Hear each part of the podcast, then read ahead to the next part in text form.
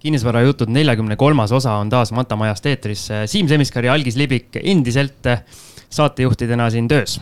tere, Algis! tere, Siim!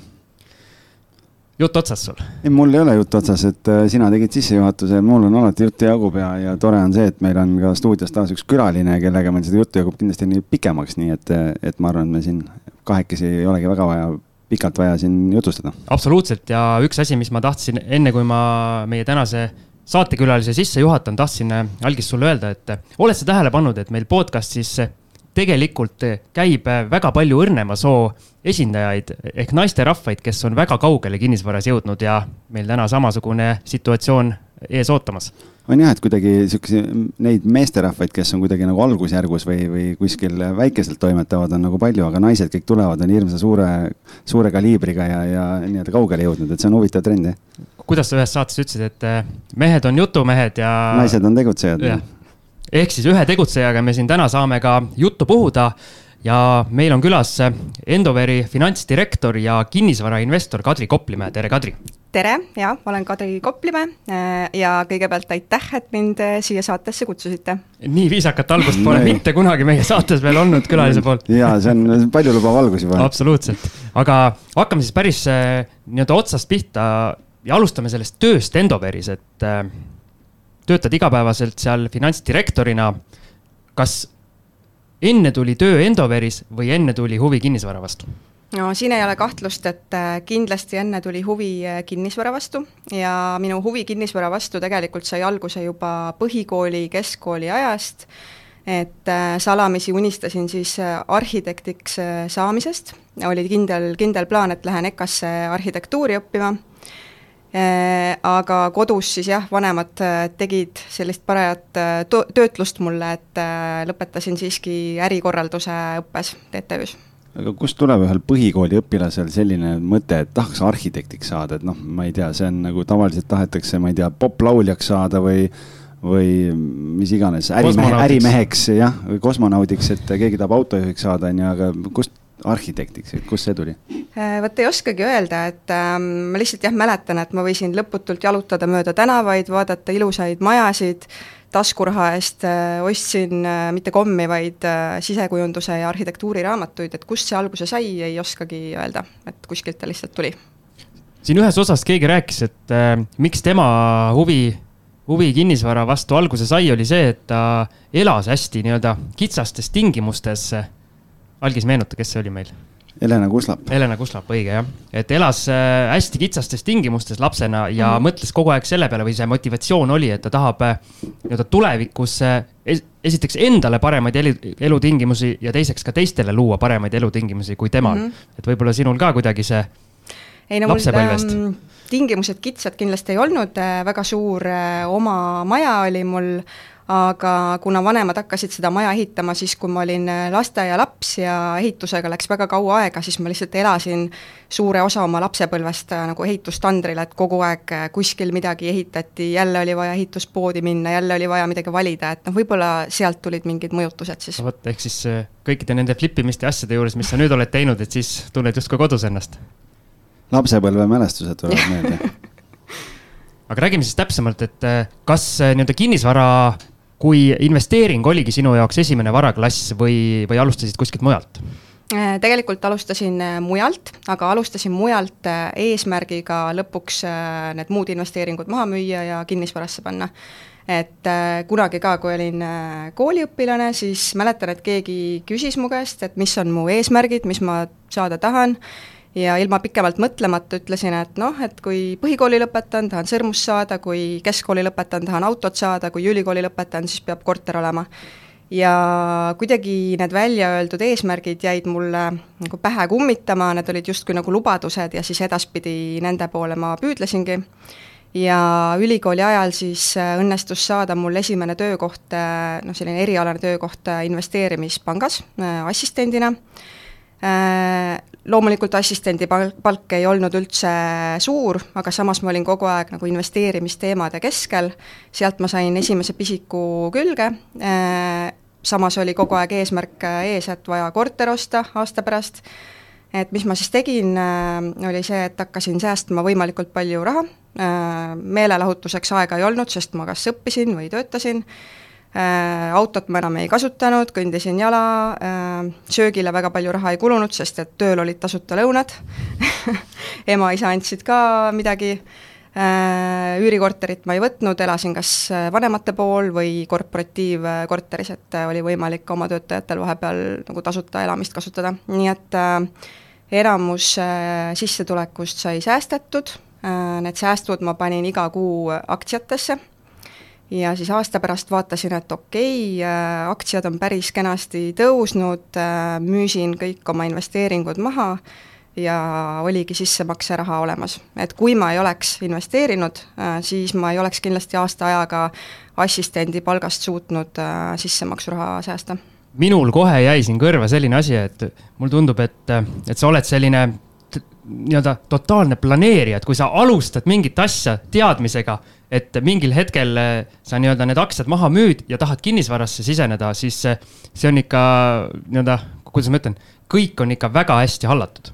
Noh, pigem see ongi see, et kui sa ütled mingid oma eesmärgid kõva häälega välja kellelegi teisele, siis sa justkui oled kohustatud neid täi-, täide viima, et et see ongi võib-olla nipp, et kui sul on unistused, siis räägi nendest kõva häälega ja siis nad lähevad täide. tead, mis mina, mis mulle hoopis kõrvu jäi, on ju, jõuame jälle sinna säästmise ja selle teema juurde välja, mis siin nii nii-öelda hellalt kogu aeg hingel on, on ju, et äh, kui me räägime siin või noh, siin Jaak Roosaarel on viiekümne protsendi klubid ja asjad ja värgid, siis Kadri pani kohe saja prosso klubisse ära kohe, et tal ei olnud nagu viiekümne protsendi klubi, vaid ta ei hakanud nagu väikselt siin viie või kümnega minema, vaid tõmbas kohe nullist sajani ära, et. no päris sada vist ei olnud, aga no üheksakümmend no,. mega noh, et kui esimese töökohaga tõmbad kohe niimoodi, niimoodi kasutad kõik võimalused ära, mis nagu on, et äh, super. Aga nüüd oli see esimese kinnisvara ostu äh, nii-öelda seeme olemas, kuhu sa nüüd vaatama läksid, kuhu sa selle raha paigutasid? Mm? -hmm. siin oli ka kindel plaan. Äh, teadsin, et tahan kindlasti kesklinna. ma korra küsin vahele, oled sa kunagi oma elus midagi ka ilma plaanita teinud? Jah. Neid asju on väga palju tegelikult okay.. Äh, tegelikult olen väga-väga spontaanne inimene et jah, seda on esimese viie minuti jooksul väga selgelt aru saada. aga selles mõttes on tegelikult õige, et eh, need nii-öelda rahaasjad ja investeerimisasjad, eh, ma arvan, tulevad paremini välja, kui on konkreetne plaan ja siis. ei no küsimus ongi, et millises osas elus sa spontaanne oled, et finantsides on hea, kui sa nagu kõik on planeeritud. tuleb õigesti valida erinevalt algisest aga vabandust, saad jätkata nüüd oota, kus see jutt nüüd, aa okei okay., mida ma tahtsin osta, et äh, siin oli jah, plaan oli osta kesklinna, kahetoaline, mitte ühetoaline, eks Äh, ja kindlasti kivimajja, et ma olen hästi kivimaja inimene, puumajasid ei ole mul kunagi portfellis olnud. ja noh, kuna ma olin noor, täiesti kogenematu, siis ma võtsin äh, ühe kogenenuma kolleegi kõrvale, tegime portaali lahti, äh, vaatasime, mis siis pakkuda on, mis minu kriteeriumitele vastab ja valisime välja ühe korteri, seda läksin siis vaatama ja see oligi üks ja ainus korter, mida vaatasin, tunne oli õige ja läks kohe tehinguks ja see oli siis kesklinnas? jah, see oli kesklinnas, kahetoaline, äh, väga armas korter siiamaani alles kas sa mäletad neid äh, nii-öelda ostuhindu ja asju ka? Äh, jaa, see oli kroonides mm,, oli üks koma üks või üks koma kaks miljonit krooni siis tol ajal. ja mis see aasta oli? aasta oli kaks tuhat viis. okei okay.. et olin kahekümnendate alguses ise. kaheksakümmend tuhat eurot siis? siis, kui mina ostsin, ostsin oma esimese kodu siis pidi miljon välja käima, ütleme siis Männikul asuva kahetoalise paneelika eest, nii et äh, aeg läks selle kolme aastaga oluliselt edasi ja turg mm, -hmm. turg tõusis. aga see, see on sul siiamaani alles ja, ja, ja see on sul praegu siis pikaajaliselt välja üüritud või? ja, ja pikaajaline üürnik on sees ja kuidas selle korteri tootlus läbi aja nüüd muutunud on, et kindlasti see nii-öelda omafinantseering, mis sa lõpuks panid, et kas laenu makstud, esiteks? Äh,? ei, laen ei ole makstud, võtsin äh, tookord laenu maksimaalse perioodi peale, intress oli mega hea siis äh,, vahepeal läks isegi miinusesse intress, nüüd vahepeal tegin refinantseerimist, siis läks veidi suuremaks, aga aga siiski jah, laenutingimused olid äh, väga head, äh, praegu on laenumakse seal kuskil kakssada viiskümmend eurot kuus, et seda nagu väga ei tunneta, sest et üürimakse on oluliselt kõrgem. kas ei ole kunagi tulnud mõttesse, et no näiteks nüüd siin buumis, et müüks hoopis maha ja realiseeriks? no alati on küsimus, et okei okay,, müüd maha, saad kasumi kätte, saad raha kätte, aga mis see alternatiiv siis on, kuhu edasi, et äh, noh, alati peab jah mõtlema, et on sul, on sul siis mõni parem ja tootlikum plaan, kuhu seda raha edasi panna. oled sa seal korteris äh, vahepeal ise ka käinud renoveerimas isegi võib-olla mitu korda selle aja jooksul mm? -hmm, jah, olen äh,, olen renoveerinud, olen ise ka elanud seal pikka aega äh,, kusjuures selle elamisega tuleb veel meelde äh, lugu, et äh, kui ma korteri siis lõpuks kätte sain, läksin sinna sisse, siis eelmine omanik oli kaasa võtnud sealt kõik, isegi äh, laepirnid, nii et ma olin seal pimeduses mul oli madrats äh, ja taskulamp, sest mul ei olnud lihtsalt raha, et voodit osta.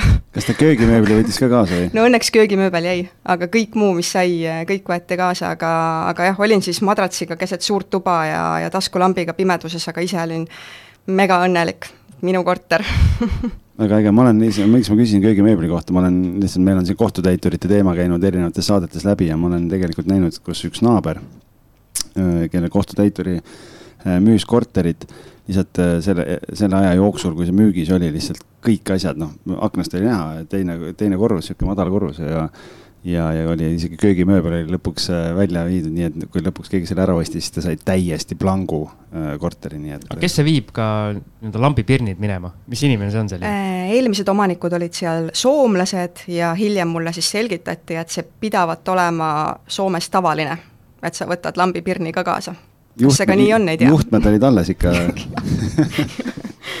on sinul, Algis, oma maakleri tegevuses kunagi sellist, sellist kogemust, sest no olgem ausad, notarilepingusse sa ju ei kirjuta, et. lambipirn ei, niimoodi otseselt ei ole vist, kuigi praegu just hakkan üürnikku otsima või otsin tähendab. kes tuleb ühte, oma pirnidega ühte korterisse, kus äh, omanik, äh, müüja ja ostja siis minu klient leppisid kokku omavahel, et nad mingid valgustid võtavad kaasa ja noh, siis nad ei hakanud pirne sinna tagasi panema, sest me ostame sinna kahes toas, ostame uued lambid sinna asemele, aga, aga no niimoodi päris nii-öelda onni pole pidanud minema, et äh, täitsa pilkane pimedus on. okei okay,, aga esimene tehing sai meil räägitud. Äh, tuleme nüüd päris tänapäeva, et kuhu see portfell sul tänaseks järele või äh, nüüd jõudnud on ja siis võtame võib-olla ükshaaval seal mingid asjad ette mm. -hmm. Mm, täna on mul siis neli lühiajalise rendikorterit, kaks pikaajalise rendikorterit, üks äripind, mis on välja renditud, üks maatükk ja siis on kaks äh, võlli tehtud korteritele, mis ootavad praegu valmis saamist. kas saab veel laiemal rindel nagu kinnisvaras tegutseda? saab küll, garaažid olid puudu aga okei okay,, aga nii, siin on neid teemasid väga põnev, kust nagu minema hakata kohe, et kaks pikaajalise üürikorterit oli sul, jah? jah, praegu on kaks, äh, tegelikult varasemalt on pikaajaliste korterite osakaal suurem olnud, aga siin vahepeal äh, natuke on muud mõtted olnud ja olen ümber äh, struktureerinud oma investeeringute portfelli, et noh, praegune seis on siis selline. milline see teine pikaajalise üürikorter on, mis sul seal on, et ühest me juba rääkisime, aga mis, mis see teine on mm? -hmm. teine on ka kesklinnas, äh, teine on uues majas, kahetoaline, suurem, ligi kuuskümmend ruutmeetrit mm,, väga armas korter jälle, äh, samuti ise olen ka seal sees elanud teatud eluetapil kas sinu nii-öelda huvi on ka see, et pakkuda siis oma üürnikele just sellist pinda, et kus sa ise oled nõus äh, sees mm -hmm. elama? jaa, kindlasti, et pikaajaliselt ma olen äh, otsustanud, et jätan alles omale need korterid, mis mulle endale emotsionaalselt äh, meeldivad. ja, ja mõned muud korterid, mis on noh, näiteks õnnestub saada madalama turuhinnaga, need ma siis olen realiseerinud, et ei ole kauaks jätnud alles aga kuuekümne ruudune kahetoaline on noh, ei ole väga tavaline, et äh, noh, kui me räägime üüriinvesteeringutest, siis ütleme iga kümme ruutmeetrit ekstra tihtipeale ei too selles üürihinnas mhm. mm -hmm. nagu tagasi, et kust selline valik?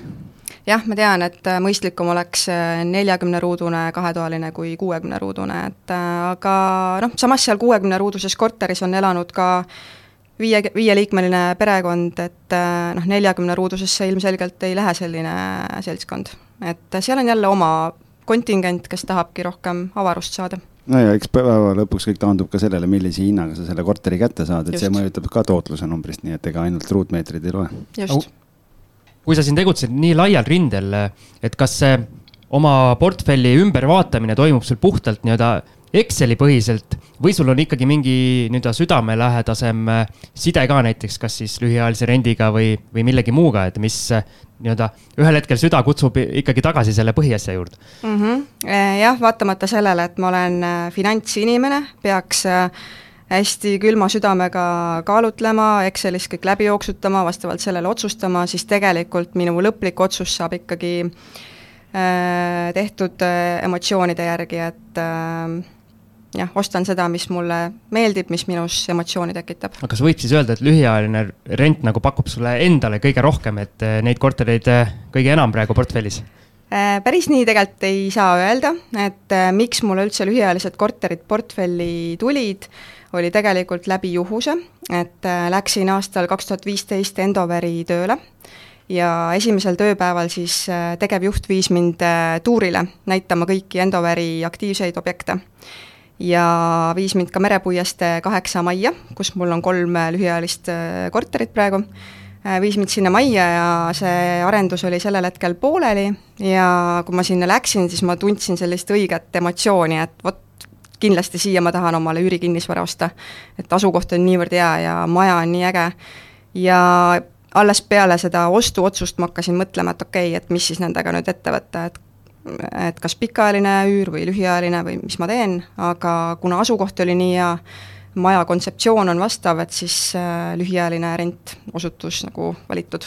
kas sa võid mind parandada, kas see on üks esimesi loft stiilis äh, korteritega maja Tallinnas? jaa, ma arvan küll, jah selgita nüüd minusugustele Vaidast tulnud diletantidele, mida tähendab äh, loft äh, stiilis? loft on, kui sul on niisugused nelja-viiemeetrised laed ja siis sul on tehtud äh, nii-öelda te magamistasand on viidud trepiga kõrgemale tasandile, et sul peab olema vähemalt meeter kuuskümmend minu teada peab olema selle mm. ülemise osa kõrgus. ja siis sinna, sinna saab, pannakse selline madal voodi ja asjad, et, et sul on nagu ühetoaline korter, ta võib olla sul viieteistruudune korter, aga kui tal on hästi kõrged laed, siis trepiga läheb teisele korrusele ja seal on äh, seal on äh, siis magamisosa nagu eraldi, et see on, selle nimi on loft. guugelda. aga kas need korterid on ka loftid, kui keegi müüb oma Mustamäe korterit ja ütleb kõrged laed? Seal on, seal ei ole loftiga midagi tegemist, seal tuleb sajaseid luftitada. seal on hea, kui lift on majas. okei, aga Algis, sa kindlasti tahad äh, seal lühiajalisest rendist äh, vähe sügavuti minna? jaa, tegelikult ma olen ähm, aasta, ma tean selle maja nii-öelda seda tekkelugu või, või nende korterite tekkelugu, sest ma samal ajal tegelikult sattusin tööle ju One Home'i ja, ja, ja meil käis ka seal investeerimisobjektide laualt käisid need korterid läbi ja, ja sai sinna ka arutatud ja neid asju too aeg ma muidugi Airbnb-st äh, öödega mütsi ei teadnud, äh, aga, aga noh, asukoht on hea ja selles mõttes ma tean, et, äh, et seal on väga head raha teenitud, mul on paaril investoril tuttaval on olnud seal kortereid ja, ja nüüd ongi lihtsalt minu küsimus sulle, et, et kas ta siis on algusest peale olnud sul lühiajalises üüris siis või oli alguses ikkagi pikaajaline üür ka äh,? algusest peale ainult lühiajalises üüris et äh, samamoodi, kui ma korterit ostsin, Airbnb oli täiesti võõras asi minu jaoks, polnud kunagi seal vaadanud ringi, ise polnud kasutanud, et äh, kohe panin Airbnb-sse äh,, booking.com'i ka ja hakkasin tegutsema ja jah, parematel aastatel siin kaks tuhat kaheksateist, kaks tuhat üheksateist äh, need lühiajalise rendi tulud olid ikka väga ulmelised. et äh, võrreldes paremate aastatega, kui vaadata äh, tippkuude renditulu, siis äh, praegused tasemed on kuskil neli korda väiksemad. selles mõttes äh, ma ütlen nende summade kohta ja et, et see, mis need aastad, mis sa räägid tõesti, et vahepeal noh, need olid need nii-öelda kuldajad, et äh, aga see maja, Siim ei tea seda maja, et see on selles mõttes, et tegelikult äh, lühiajalise üüri kontseptsiooni jaoks ideaalne. Siim ei tea paljusid asju, mul on tunne. noh, kontseptsioon, noh, sa oled, sa oled jah, nagu linnast Võid väljas. külla vaatama. linnas väljas kinni jah, et, ähm, et aga seal on, see kontseptsioon on selles mõttes nagu hästi tehtud tegelikult, et tavaliselt, äh, mis me oleme ka eelnevates saadetes rääkinud, on see, et noh, et sul on see küsimus, et kas sa kohtud ise klientidega, annad neile võtmed või ei anna. noh, et lahendad lockbox idega või, või, või kuidas sa lahendad, aga seal istub valvur, kellega on siis kokku lepitud, et võtmed lähevad tema kätte ja tema annab külalistele võtmed, nii et see osa on juba ära lahendatud, ainukene osa, mis sul on võrrandis vaja ära lahendada, on koristamine ja ongi kõik. ja kuidas äh, sul, Kadri, see koristamine ja üldse see haldus võrrandis ära lahendatud on? jaa, koristusteenust ostan sisse, äh, pesumajateenust ostan sisse, äh, klientidega suhtlen ise Äh, raamatupidamise teenuse olen ka välja andnud, äh, et minu ettevõtete raamatupidamist teeb äh, raamatupidamisbüroo. Aga miks nii, sa ju saaks ise sellega väga hästi hakkama? jaa, kõiki asju saaks ise teha, ise saaks koristada ja kõike saaks teha.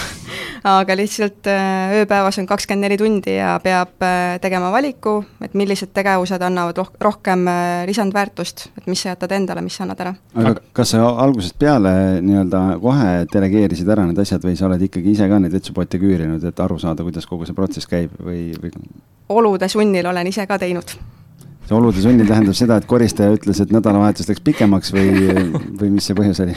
Õnneks koristajad on äh, väga tublid olnud, aga, aga on juhtunud, et äh, näiteks üks lugu, et äh, merepuieste administraator pidi öösel siis minu saabuvatele klientidele võtme andma, kogemata oli minu korterisse pannud enne seda võõrad kliendid ja kui minu kliendid saabusid, selgus, et äh, minu korter on juba hõivatud, seal on võõrad kliendid ja siis see teine korter, mis nagu vabaks jäi, sinna ei saanud minu kliente panna, sest mul oli kolmeliikmeline perekond, aga selle teise omaniku korteris oli siis ainult äh, kaks magamiskohta, nii et äh, keset ööd mulle siis helistati, admin ei tea, mida teha, kliendid on väga pahased, äh, mina juba magasin, ärkasin ülesse, äh, mees oli mul komandeeringus muidugi, oli vaja lapsed ka kuhugile panna, õnneks oli just üks sugulane meie juures ööbimas, et lapsed sai koju jätta siiski, jooksin siis kohale, viskasin oma korterist võõra kliendi välja, kes ka juba magas, ta ei saanud midagi aru, mis toimub, mõtles alguses, et keegi murrab sisse. Äh,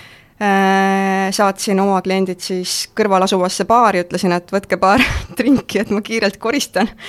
vahetasin siis kähku kõik pesud ära, pesin nõud ära, kõik, kõik tegin ise ära ja kliendid said siis tulla, et äh, sellisteks asjadeks peab äh, jah, ise valmis olema, kui sa ise haldad oma kortereid. et ilmselge on, et keset ööd sul ei tule koristaja sinna tulekahju likvideerima. kas see valvur elab täna veel või? No ma mõtlen selles mõttes, et mis sa tegid taga selle peale, et ta vist enam ei tööta seal aga minul jäi kõrvu, et kõikide nende asjade hulgas sa jätsid eh, enda kätte selle klientidega suhtlemise. kas sa tunnetad mm, -hmm. et seal Airbnb-s just see osa on see, mis eh, nagu sinu jaoks lõpus kõige tähtsam on ja kõige rohkem seda väärtust loob?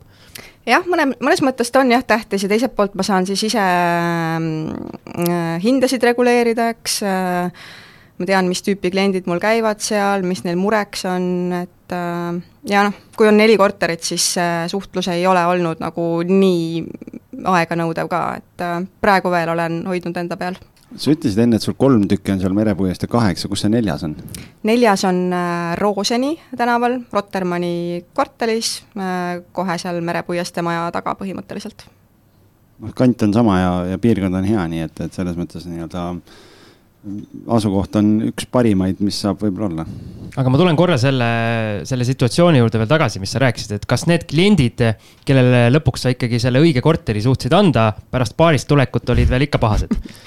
Nad, äh, tegelikult neil oli minust kahju, sest et äh, ma tollel hetkel olin veel nagu viimase peal rase, ma olin nagu mega suure kõhuga ja siis äh, neil oli lihtsalt minust nii kahju et nad lõpuks kirjutasid mulle ikkagi väga positiivse review ja, ja kõik läks hästi no lõpp hea, kõik hea.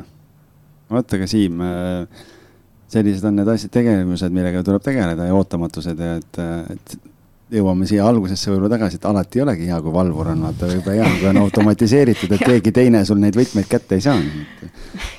aga ma tahangi küsida, et äh, okei okay,, sa oled äh, palju asju nii-öelda välja andnud, aga, aga kuidas sa seda kõike jõuad, et ma usun, et see või ma eeldan, et see Endoveri töö ei ole ka kõige nii-öelda kergemate killast, et sinna läheb päris palju energiat esiteks ja aega loomulikult ja siis veel kogu see investeerimisportfell ja kuna sa nii palju plaane ka teed ja ilmselt neid Excelid on arvuti täis, et kuidas, kust see aeg tuleb?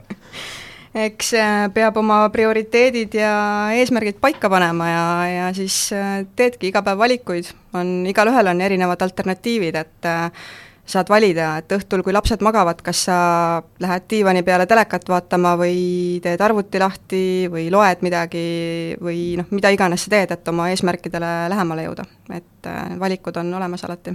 ma küsin vahele, ma ei tea, sa ei pea vastama, kui sa ei tea, kui vanad sul lapsed on, kas sa neile ka juba seda nii-öelda ettevõtlust ja seda investeerimisasja nii-öelda sisse süstid? Äh, lapsed on praegu, no ütleme, äh, lasteaiaealised, kolm tükki. natuke vara veel, jah aga kõige vanemale jaa, juba, juba räägin asju ja ta saab täitsa teatud asjadest aru. ja juba on äh, vaikselt läinud ja oma ettevõtlust teinud ja vaikselt kasvab. mul oli just oma lapsega diil, et ta loeb kolm raharaamatut läbi, et siis me hakkame talle aktsiaid ostma ja siis siis nüüd ta luges need läbi ja siis ta küsib, et isi, noh, ta on hästi Harry Potteri fänn ja ta saab üheksa kohe onju ja siis ütleb, kas Harry Potteri aktsiaid saab ka osta et ei saa, aga, aga, aga noh, et küll me leiame midagi et.... aga näed siin nii-öelda stuudios istuvatel inimestel kokku siis üheksa last. võimas. päris hästi. no keegi peab seda lippu kõrgel hoidma ju. jah, meie, kes me siin oleme aga kui sa rääkisid, et lühiajalises rendis on päris paljud asjad nii-öelda edasi antud või delegeeritud, et aga pikaajalises rendis, kas otsid ise üürnikke, käid ise lambipirne vahetama, vahetamas või kuidas? Jaa, seal ma teen kõik ise, et mul on kuidagi sattunud äh, üliägedad üürnikud, et äh, näiteks äh, teine kinnisvarainvesteering, mis ma tegin äh,, seal oli üks ja sama üürnik üheksa aastat sees. ja ma ei kuulnud ka temast, ta lihtsalt maksis arveid ja, ja kõik oli kogu aeg hästi, et kui mingi probleem korteris oli, ta ise lahendas ära. Äh, et äh, jah, see pikaajaliste üürnikuga, üürnikutega suhtlus on üldiselt väga positiivne minul olnud, et äh, ei pea kellelegi üle andma seda. aga kuidas saada oma korterisse positiivsed ja head üürnikud? Noh, üürnikke ma olen ise valinud ja tavaliselt on juhtunud nii, et esimene või teine inimene, kes vaatama tuleb, see selle korteri saab, et ma ei tee selliseid pikki Äh, missi valimise voorusid, et kõik käivad järjest ja siis ma panen Excelisse ja hakkan seal vaatama, et kes on parem, kes on halvem, et äh, pigem tuleb esimene, tundub normaalne, äh, räägib paar sõna juttu ka, sisetunne ütleb, et kõik on okei okay,, siis sellele korter lähebki. kuidas see üürileping on üles ehitatud, selle üheksa aasta jooksul mitu korda sa üüri tõstsid mm,? Ma üheksa aasta jooksul võib-olla ühe või kaks korda et kuna noh, oligi, et kuna üürnik oli niivõrd hea, ma nagu mõtlesin selle peale küll, et kas peaks tõstma, aga ma lihtsalt ei tahtnud seda puutuda, et mõtlesin, et las olla hea üürnik äh, rahulikult sees, kui et äh, võib-olla läheb äh, üüri tõstmise peale välja sealt ja siis ma otsin järgmist üürnikku ja kaotan niimoodi aega ja raha aga kas sa nüüd üürnikele ikkagi mingit taustakontrolli ka oled teinud, et kasvõi äh, sealt krediidiinfost läbi ja Facebookist või ongi puhas nii-öelda sisetunne? Ehm, enamasti on sisetunne olnud, kuigi peaks tegema korraliku kontrolli. et kui keegi küsib minu käest soovitusi, siis muidugi ma ütlen, et jaa, kontrollige igalt poolt, kus annab, aga ma ise ei ole seda teinud. no mul on, ma olen kontrolli teinud, aga ju siis sisetunne paneb nii mööda eks see peab olema sümbioos, et, et seal on kogemus, taustakontroll ja intuitsioon ja kõik asjad kokku, nii et mm -hmm. nii ta on jah. aga ma olen selles mõttes Kadriga nõus, et mina maaklerina ka tavaliselt omanikega lepin kokku ikkagi, et kui me leiame esimese üürniku, tal on taust on korras, töökoht on normaalne, kõik asjad, et noh, pole mõtet noh, nii-öelda trikoovooru teha mm, -hmm. et. raiskad enda ja. aega ja teiste aega ja ei, ei ole mõtet, jah. mida keerulisemaks sa üürnikule selle protsessi teed, siis lõpuks sa võid sellest väga heast üürnikust ilma jääda, sellepärast et ta läheb kuskile mujale lihtsalt mm. -hmm aga meil on kohe pool tundi täis ja ma arvan, teeme siia lühikese pausi ja kui tagasi tuleme, siis räägime juba järgmistest asjadest, mida, mida Kadri puhul siin jätkub küll ja küll, et mul jäi silma seal üks äripind ja flippimine ja mis kõik veel meid ees ootamas on.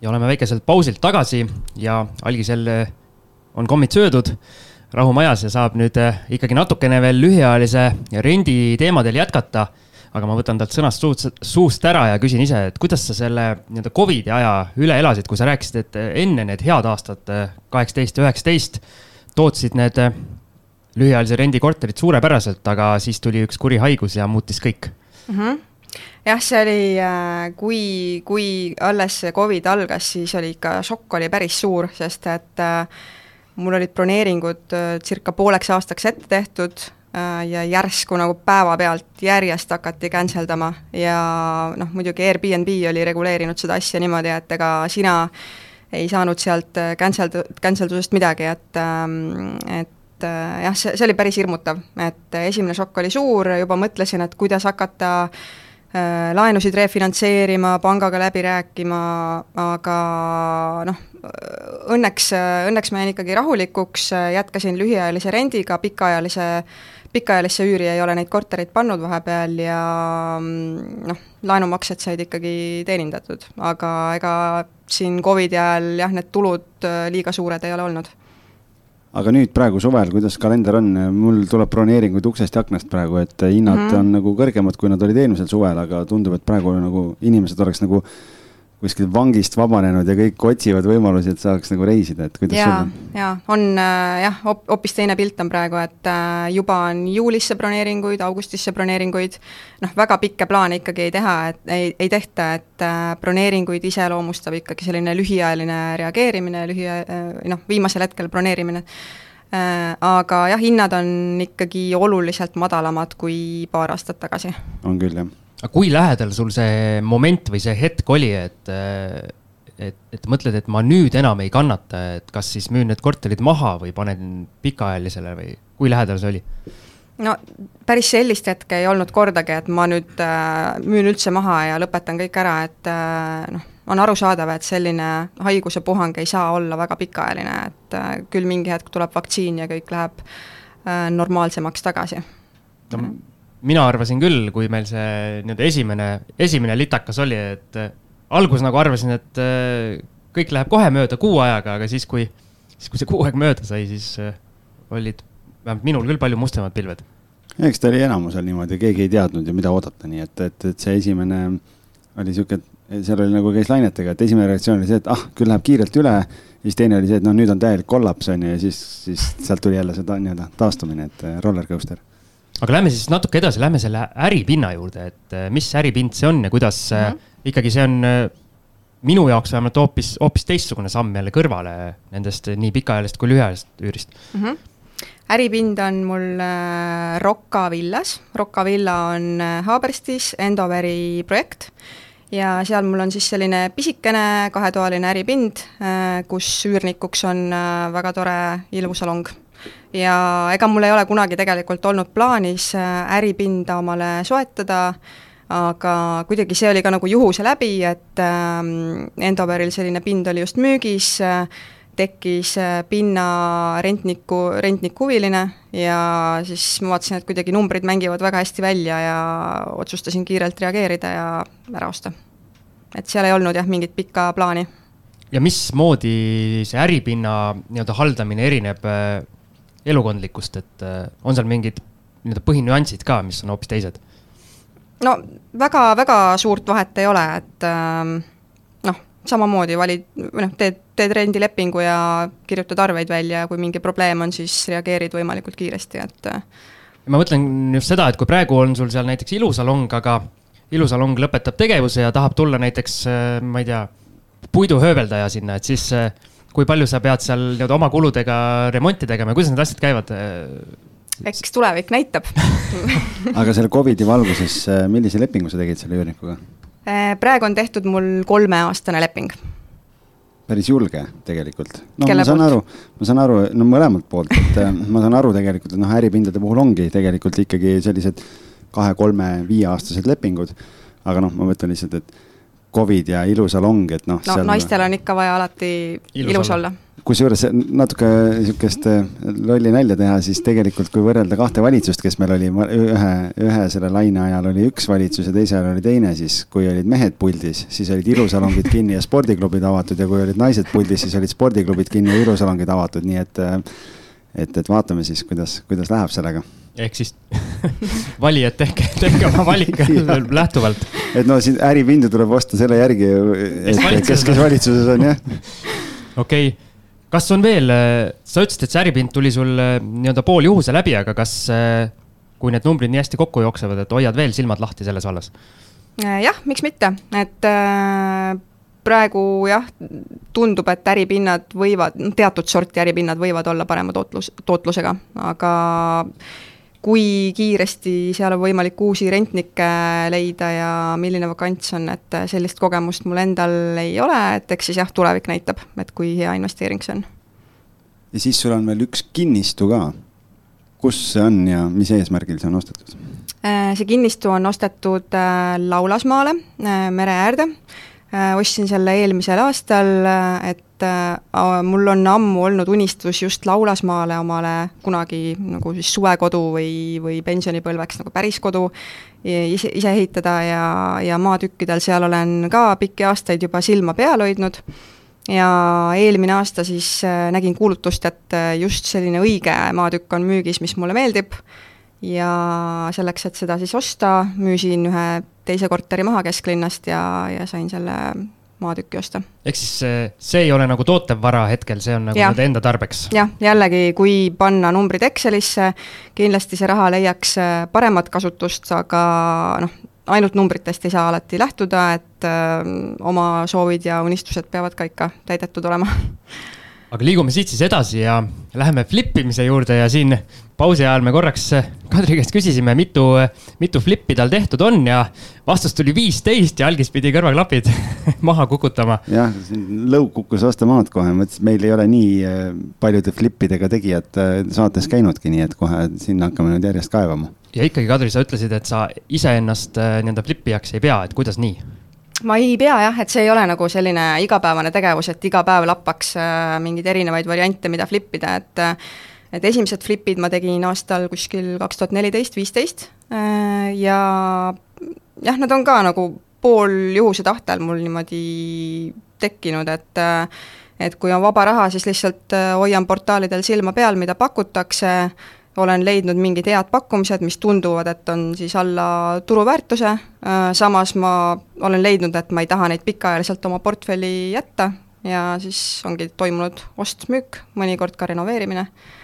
kui laia haardega sa võtad, kogu Tallinnat oled vaadanud või mingites kindlates piirkondades oled teinud, et, et noh, kui sa teed kolm korterit, ma ei tea, Sõles ära, siis sa tead, et okei okay,, sisend on see ja, ja ma saan sealt seda või kui, kui laia haardega sa vaatad? Mm,? Tegelikult, kui mõelda, siis vist päris laia haardega, et äh, alustasin flippidega Mustamäelt, Mustamäe kahetoalised äh,, ostsin võimalikult äh, kehvas seisukorras, tegin äh, remondi, müüsin maha äh,. siis on flippe olnud äh, Kristiines, kesklinnas äh,, ka Keilas üks flipp mm,, Lasnamäel, Viimsis.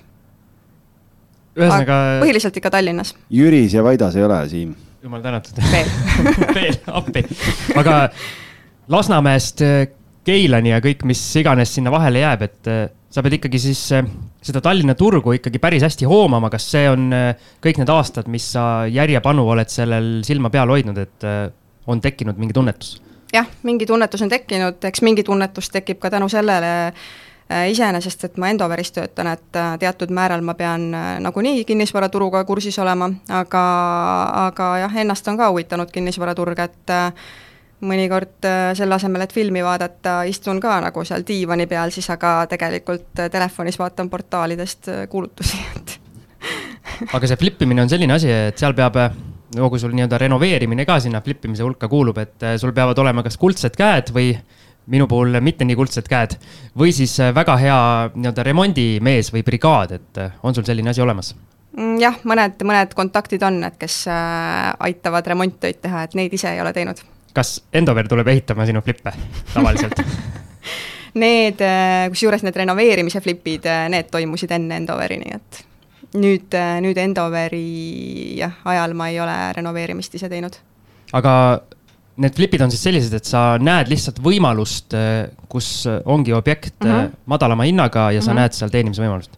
jaa, just. ostad ära ja paned lihtsalt kallima hinnaga müüki. just, et kõige paremad flipid tegelikult ongi need olnud, kus äh, ma ei ole ise mitte midagi teinud, lihtsalt olen ostnud äh,, koristanud natuke äh, asjadest tühjaks, uued pildid müüki, et uued pildid äh, teevad imet tegelikult kui palju näiteks praeguses äh, nii-öelda turuhetkes sa selliseid võimalusi üldse näed või kõik äh, müüjad on läinud äh, nüüd seda buumiga seda kuldkallakest püüdma mm,? kindlasti tegelikult on flipi võimalusi igal ajal.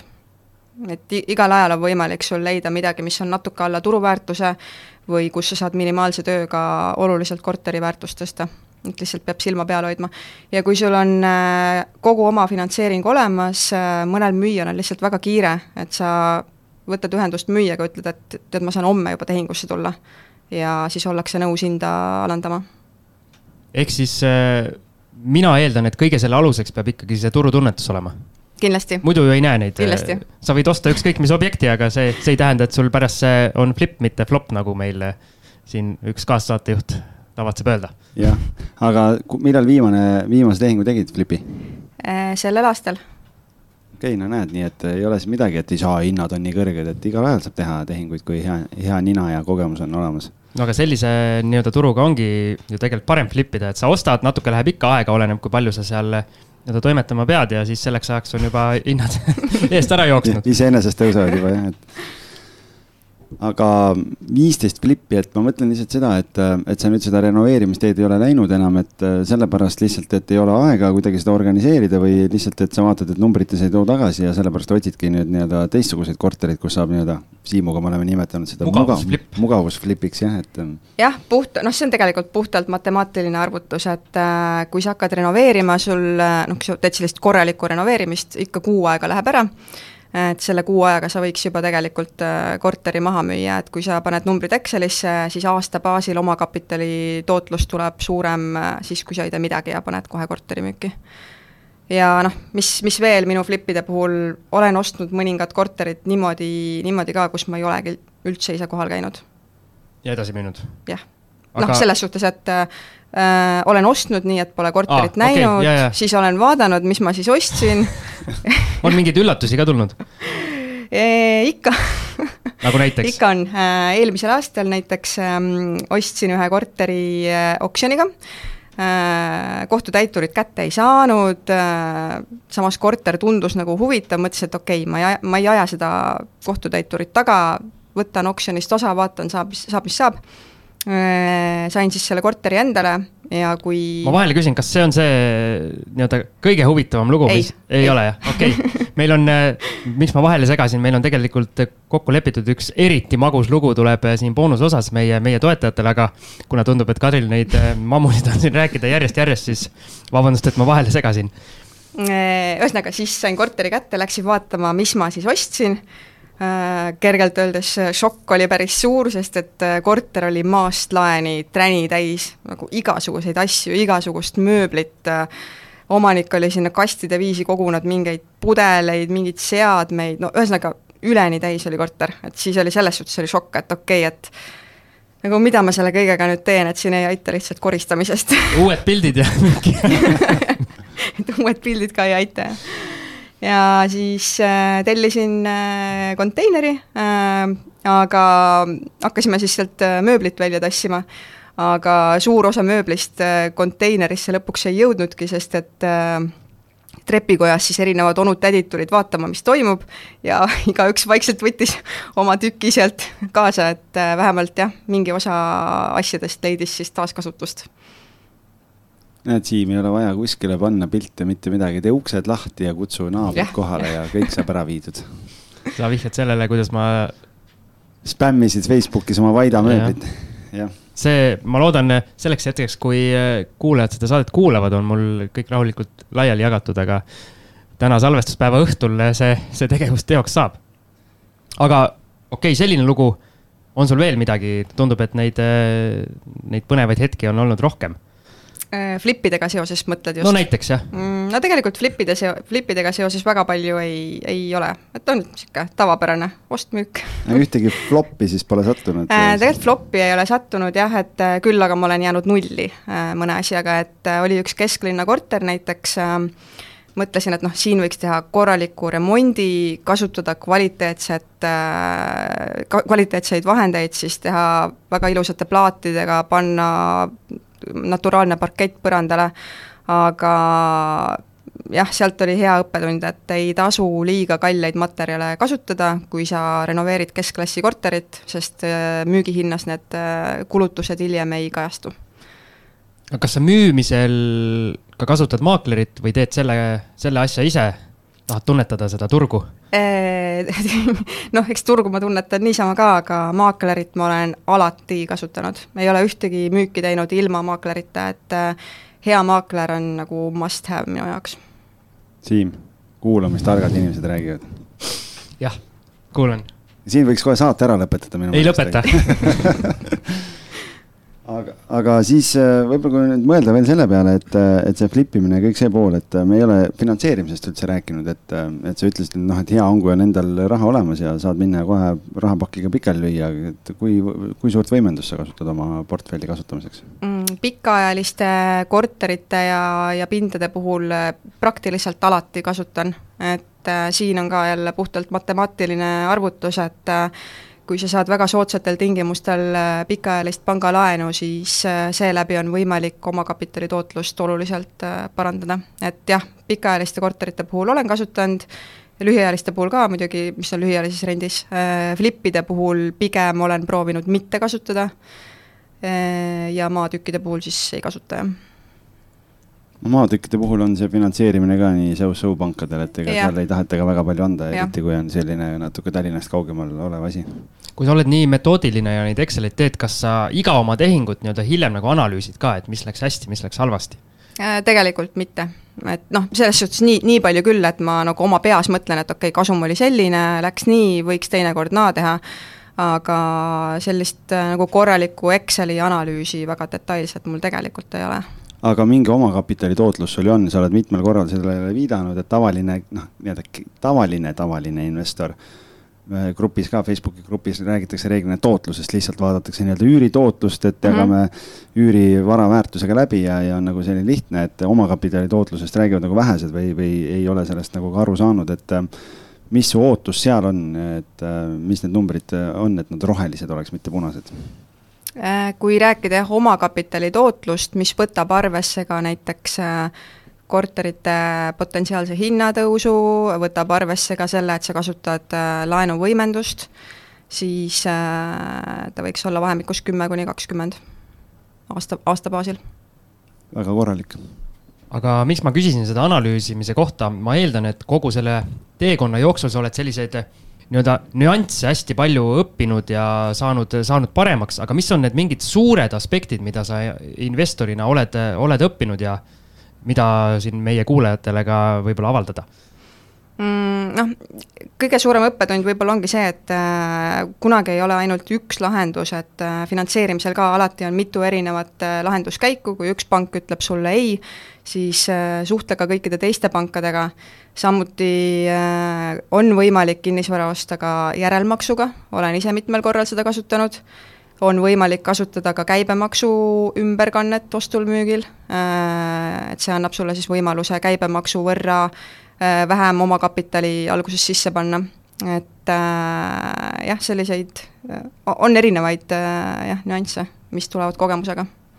ma küsin siia juurde selle omakapitali tootluse osas, et millist sellist keskmist väärtuse kasvu sina aasta peale oma valemitesse sisse paned? Mm, noh, ma, ma eeldan, et pikas plaanis ta võiks olla kuskil viis protsenti, kui sa mõtled mm -hmm. korterite mhm. väärtuse kasv, jah et see on nagu pikas plaanis. aga oled sa selline isetegija, et nagu tahad kõik asjad äh, üksi teha või on sul mingeid projekte tehtud ka, ma ei tea, sõbrannadega, sõpradega, tuttavatega, pereliikmetega koos? Äh, jaa, flippe ma olen teinud äh, koos ühe partneriga. et äh, aga mitte pereliikmed jah, mitte oma mehega, aga ühe partneriga kui palju sul on tutvusringkonnas selliseid inimesi, kellega võib-olla lähetegi õhtul, lähete kohvitama ja siis äh, räägite kinnisvarast, mitte näiteks äh,, ma ei tea, Rannamaja viimasest hooajast või, või? jah, lastest või, või, või tele, televiisorist äh, ja tutvusringkonnas on ka inimesi, kes tegelevad äh, investeerimisega, aga neid inimesi võiks kindlasti rohkem olla ja noh, seltskondades, kus on inimesed, kes investeerimisega ei tegele, keda see ei huvita, ega ma siis noh, väga ise ka peale ei suru nende teemadega, et äh. aga on kunagi su peale nagu viltu ka vaadatud, et vaadatakse, et äh, noh, selline õrn ilus naisterahvas, et mis ta seal nende korteritega ja asjadega jamab, et imelikult ei ole vaadanud keegi mm,? ei, imelikult ei ole vaadanud, aga noh, võib-olla mõnikord on tundunud mulle endale, et kui ma midagi räägin, siis äkki tundub nagu uhkustamisena või midagi, mida ta tegelikult ei ole, eks äh,. aga jah, ei, ei viltu ei ole vaadatud otseselt. noh, nüüd, kui saates ära käid ja jagad, siis kindlasti mõeldakse, et no näed, jälle käis rääkimas et äh, aga need flip imised esimesed, kus sa ikkagi seda nii-öelda ehitusbrigaadi ka siin kasutasid, meil on mõni äh, mõni naisterahvas flipija ka käinud ja seal on ka jutuks tulnud see, et äh, alguses, kui seda ehitajat palkad ja siis äh, tullakse nii-öelda ehitaja poolt äh, sellise jutuga peale umbes, et aa, ma olen nii kõva mees ja mis sa naine ikka siin tead ja sellist asja ei ole sul olnud kogemust äh,? ei, sellist asja ei ole olnud, et kui need renoveerimisega flipid on olnud, siis on ka üks partner on ka aidanud meesterahvas ja noh, võib-olla siis see on mõjutanud ma küsin tööalase küsimuse, et ähm, kuna te ise töötate ju ka hästi palju investoritega ja teil on erinevaid nii-öelda arendusi, mis on hästi investoritele suunatud nii-öelda äh, selliste ähm, korteritega, et siis äh, kui palju te ettevõttesiseselt üldse sellist öö, oma maja sees inimestele sellist finantsteadlikkust ja, ja kõike seda poolt jagate või, või suunate, et inimesed võiksid ise ka neid otsuseid teha ja osta, kui hea võimalus tekib mm,? noh, igas, ma arv-, ma arvan, et igas Endoveri projektis on küll jah äh,, äh, oma töötajate hulgas ka neid ostjaid, aga jah, ma ei tea, otseselt ei ole pidanud äh, Endoveri töötajaid harima äh, selles osas see töö tehakse juba ära, enne kui tööle võetakse, et kuule, näita portfelli kõigepealt ja siis vaatame, kas saad tööle või ei saa, et aga üks teema meil puudutamata veel. Äh, Kadri ütles, et tal on kaks võlli ka tehtud et ähm, räägime nendest ka, et, et kas see on mingi selline aktiivne strateegia, mis sa, mis sa kasutad kuidagi ja otsid seda väärtuse kasvu sealt, et kui, kui tuleb mõni uus arendus kuskile, et ostad, ostad korterid, ootad, kuni kõik, kogu arendus on valmis ja müüd või kust, mis nende kahe võlli taga on? Äh, need kaks võlli, üks on, äh, üks on Endoveri äh, Rocca Towersi teises majas võll, see maja saab valmis järgmisel aastal miks ma sinna võlli tegin, on sellepärast, et äh, esimene maja on nüüd valmis, see projekt mulle endale meeletult meeldib ja noh, Rocca villas kõrval on äripind, eks, ja kuna sinna tuleb neid maju veel, äh, kogu piirkond pööratakse hoopis teise ilmega ägedaks piirkonnaks, siis ma näen seal väärtuse kasvu, et seetõttu ma tahtsin sinna mm, võlli teha ja sellest osa saada ja, ja teine võll, mis mul on, on üks kesklinna arendus, kahetoaline korter, et äh, see ei ole Endoveri arendus, aga ühe teise arendaja korter. et äh, see on siis noh, praegu vähemalt on plaanis ka osta ja jätta pikaajaliselt äh, oma portfelli kuulajatele, kes ei ole kuulanud varem või ei tea, mis võll on, siis võll on võlaõiguslik leping, ehk et kui sa ostad mingi uusarendusse korteri, siis kõigepealt pead sa maksma kümme kuni kakskümmend protsenti sisse, sõltuvalt arendaja äh, soovidest tehakse võlaõiguslik leping ja siis, kui korter valmis saab, siis tehakse asjaõigusleping, kus makstakse ülejäänud äh, tehingusumma. meil tegelikult on üks boonusosa ka selle nii-öelda võllidega spekuleerimisest, et äh, mis on selline pool, pool hall maa vist, millest keegi väga rääkida ei taha. no siin on arendaja esindajad ära, et me ei tohi, ei tohi siin väga kõva häälega nendest asjadest rääkida või sinna tähelepanu suunata aga.... sellepärast oligi väiksemale ringile. jah, nii et aga, aga jah, et, et kes on Patreonis toetajad, need saavad kuulata aga Kadri, eh, mis su suurem eesmärk eh, kogu selle investeerimisega on? kuna sul on see tegevus ikkagi, võib öelda, keskmisest investorist rohkem nii-öelda eesmärgistatud, et midagi peab ju olema sinna lõppu ka kirjutatud mm. -hmm. mul ei ole nüüd nagu numbrilist eesmärki, et aastaks X peab olema mul nii ja nii palju ühikuid kinnisvaras, aga mul on äh, mul oleks eesmärk, et kümne aasta pärast võiks investeerimisportfell olla kaheksakohaline Äh, aga seal sees ma tegelikult tahaksin äh, suurendada iduinvesteeringute ja aktsiainvesteeringute osakaalu, et praegu on kinnisvara suures äh, enamuses, aga natukene tahaks tasakaalustada oma portfelli. oota, algisnumbrite inimene, palju see kaheksa, kaheksa kohta? seitsmekohaline, siis me räägime miljonitest no,, kaheksakohaline okay. on kümned miljonid. no näed, minu jaoks see nii palju suured numbrid. sul Excelis ei, viskab selle mingi errori Error, ette, kui nii suured numbrid tulevad. just mm. -hmm. aga noh, ma mõtlen äh, selle kaheksa, noh, kümne aasta perspektiivi, et just kui Kadri hakkas oma lauset, on ju, siis ta ütles, et oi, mul siin ei ole eesmärki. ma mõtlesin, et huvitav, et kuidas elu niimoodi on muutunud, et sul oli seal üheksas klass, kaheteistkümnes klass, ülikooli lõpp ja nüüd järsku ei ole, aga no näed, siis jõudsime ikkagi sinna välja, et tegelikult on nagu, eks see rahavooliselt on ju olulisem kui tükiliselt tegelikult ja, või, või, või väärtuse mõistes jah, nii et. aga kas see kuidagi kui sa jõuad kuskile eesmärgini, näiteks kui sa oled äh, nii-öelda jõudnud järgmisele tasemele, mis sa oled endale paika pannud, kas sul on selline nii-öelda rahulolu ka tekib? Või tekib juba järgmine see nii-öelda kihk? ja, ja juba esiteks rahulolu, aga juba siis on äh, kolm järgmist eesmärki äh, seatud. Et.... aga oskad sa nautida ka seda hetke, et sa saavutasid midagi ja siis natukene naudid, sest investoritel tihti, no mul endal on vähemalt see, et kui ma nii-öelda mingi eesmärgi kätte saan, siis ma ei oska seda nagu piisavalt palju või hästi isegi nautida, sest kohe on järgmine siht on silme ees ja tuleb edasi murda. jaa, ikka, ikka naudin, aga jah, põhiline auhind sellest eesmärgi saavutamisest on see täiendav hind, mis sulle tuleb juurde, et, et vau, et ma sain hakkama, et sean nüüd veel kõrgemad eesmärgid ja noh, lähed nagu suure motivatsiooniga edasi oled sa kunagi nii-öelda mõne eesmärgiga läbi ka kukkunud, et pead nagu mingid kaotused vastu võtma ja, ja minema kuskil muus, või teises suunas edasi. Kadri naerab, tundub, et ei ole sellist, sellist kogemust ei ole veel. Ei meenu kohe, ma peaks natuke mõtlema. Ei tule kohe meelde, jah. Aga kas see on siis nii, et kui sa mingi eesmärgi sead ja sul piisavalt ikkagi motivatsiooni ja tahtmist on, siis igal juhul? jaa, jaa, kindlasti, kui sul on kindel eesmärk ja kui sa seda väga tahad, küll sa siis saavutad ka selle, et et äh, inimesed, kes seavad eesmärke ja neid ei saavuta, võib-olla need eesmärgid ei ole ikkagi siis päris need, mida nad tegelikult ka tahavad. või siis äkki nad peavad peeglisse vaatama? jah, võib-olla. sest äh, rohkem tööd tegema. just, et äh, see on nagu nii ära kulunud jutt tegelikult kõikidelt edukatelt inimestelt, et äh, sa põhimõtteliselt äh, saavutad selle, mida sa väga-väga tahad ja peaaegu ikkagi alati, kui mm, -hmm. kui see sinu võimuses on, mingid asjad ei ole. peab eks. Äh, tööd tegema selle Just. nimel, et iseenesest loomulikult sülle midagi ei kuku, et ma ju ka olen nullist alustanud ja keegi mulle midagi kinkinud ei ole, et aga need inimesed, kes ei ole kuskile jõudnud ja võib-olla ei suuda ka piisavalt ennast motiveerida, need mõtlevad, et aa, jälle ta räägib seda juttu, et see ei ole võimalik. klišee ju. jah Algis, kuidas sul on me eesmärkidega?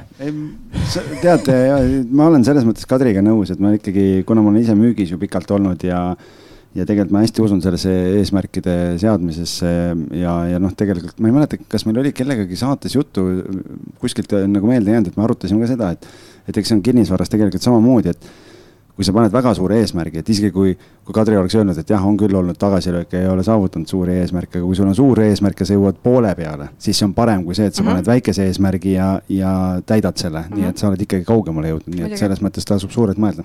aga mulle meeldib see, et äh, me oleme juba nii palju saateid teinud, et isegi algisel ei tule meelde enam, mis saates me mida oleme rääkinud, see on äh, hea. jah, mul, mul on küll hea mälu jah, aga no näed, et äh, ikkagi inimene kui klassikuid tsiteerida siis. kas maakler on inimene või kuidas? okei, okei, ma rohkem algisele puid alla ei pane, ma olen saanud kusjuures tagasisidet, et miks ma seda algist, vaest algist niimoodi peksan. mulle, mul, mulle sobib, mulle meeldib, nii et hea huumor käib asjaga. aga olgem ausad, ma saan su käest vastu ka kõvasti, aga. jah, eetriväliselt rohkem muidugi. jah, tulles äh, siis Kadri juurde tagasi kas sa oskaksid välja tul-, välja tuua, et millistele inimestele sobib kinnisvara kui varaklass, kas me saame üldse kuidagi üldistada seda?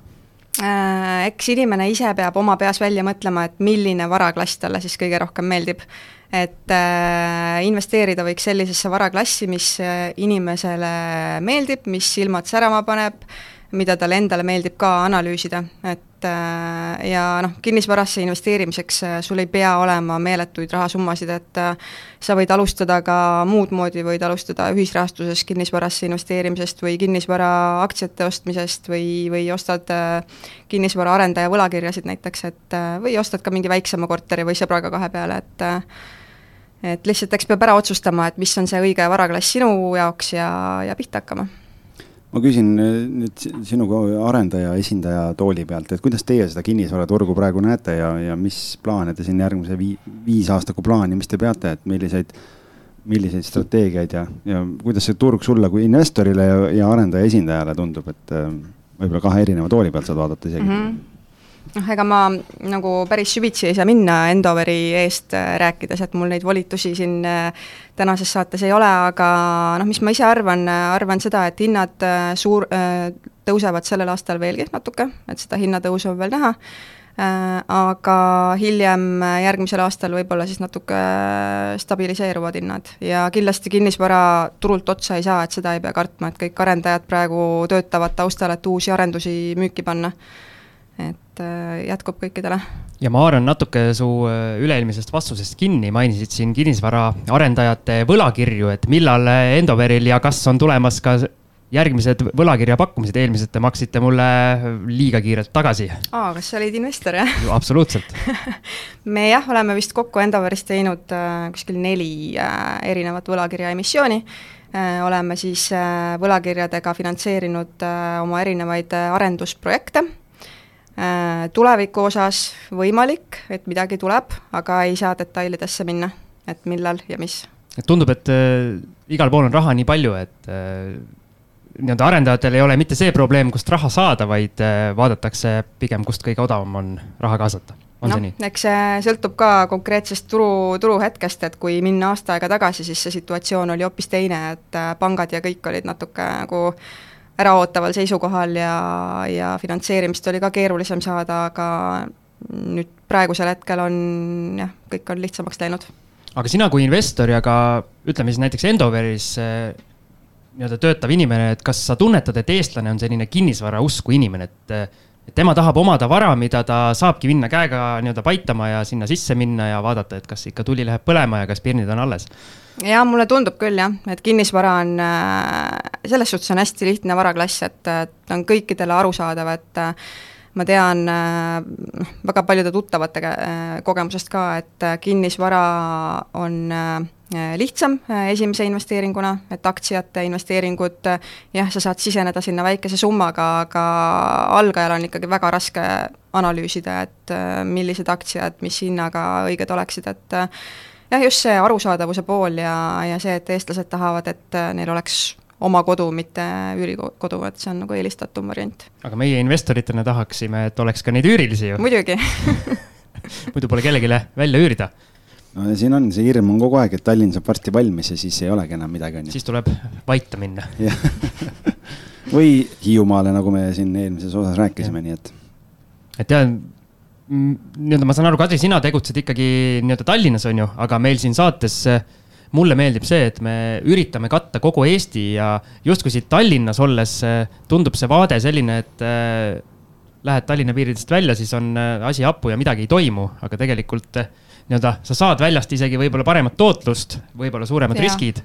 aga ka see nii-öelda sisenemislävi on ikkagi seal väikekohtades oluliselt väiksem kui kuskil Tallinna kesklinnas. jaa, muidugi, ma ise olen ka mõelnud, et tegelikult võiks Keilasse vaadata mingit kinnisvara, et ma ise olen Keilast pärit et äh, seal võivad ka päris head investeerimisvõimalused olla, et miks mitte. kes meil veel Keilast pärit oli, algis, hiljutises, äh, saates? Helena Kuslap jah sellepärast mul e-, entsüklopeedia nimega Algis Liblik ongi siin kõrval, et ta oskaks kõikidele küsimustele vastata. ma ei kujuta ette, mis see ilma minuta teeks. ma ei teekski mitte midagi. aga me tavaliselt äh, lõpetame saated selle küsimusega, et mida sa soovitaksid äh, algajale investorile, kes äh, võib-olla ei ole veel oma esimest tehingut teinud, aga hullult-hullult tahaks. et mm -hmm. mida ta, mismoodi ta sellest, võib-olla sellest plokist ja sellest kartusest üle saaks? no ega soovitus on võimalikult kiiresti pihta hakata et kui sa teed pikaajalist investeeringut, siis ei ole mõtet väga palju pead vaevata sellega, et kas praegu on õige hetk, et pikaajalise investeeringu jaoks on alati õige hetk.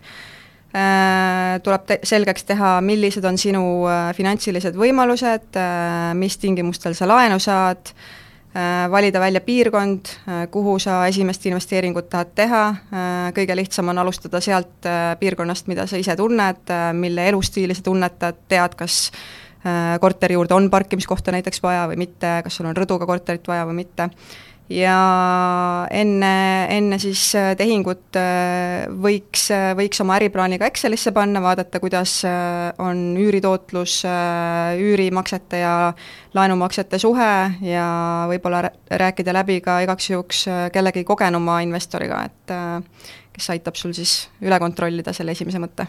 suurepärane vastus mul on üks küsimus veel. mul on ma, ka veel üks küsimus tekkis. me oleme Excelitest hästi palju, hästi palju rääkinud, aga sina oled nagu finantsist, et aga kust üks alustav investor võiks endale leida ühe hea Exceli, mida ta saab usaldada, sest ise hakata midagi kokku panema, noh, see saab päris huvitav olema.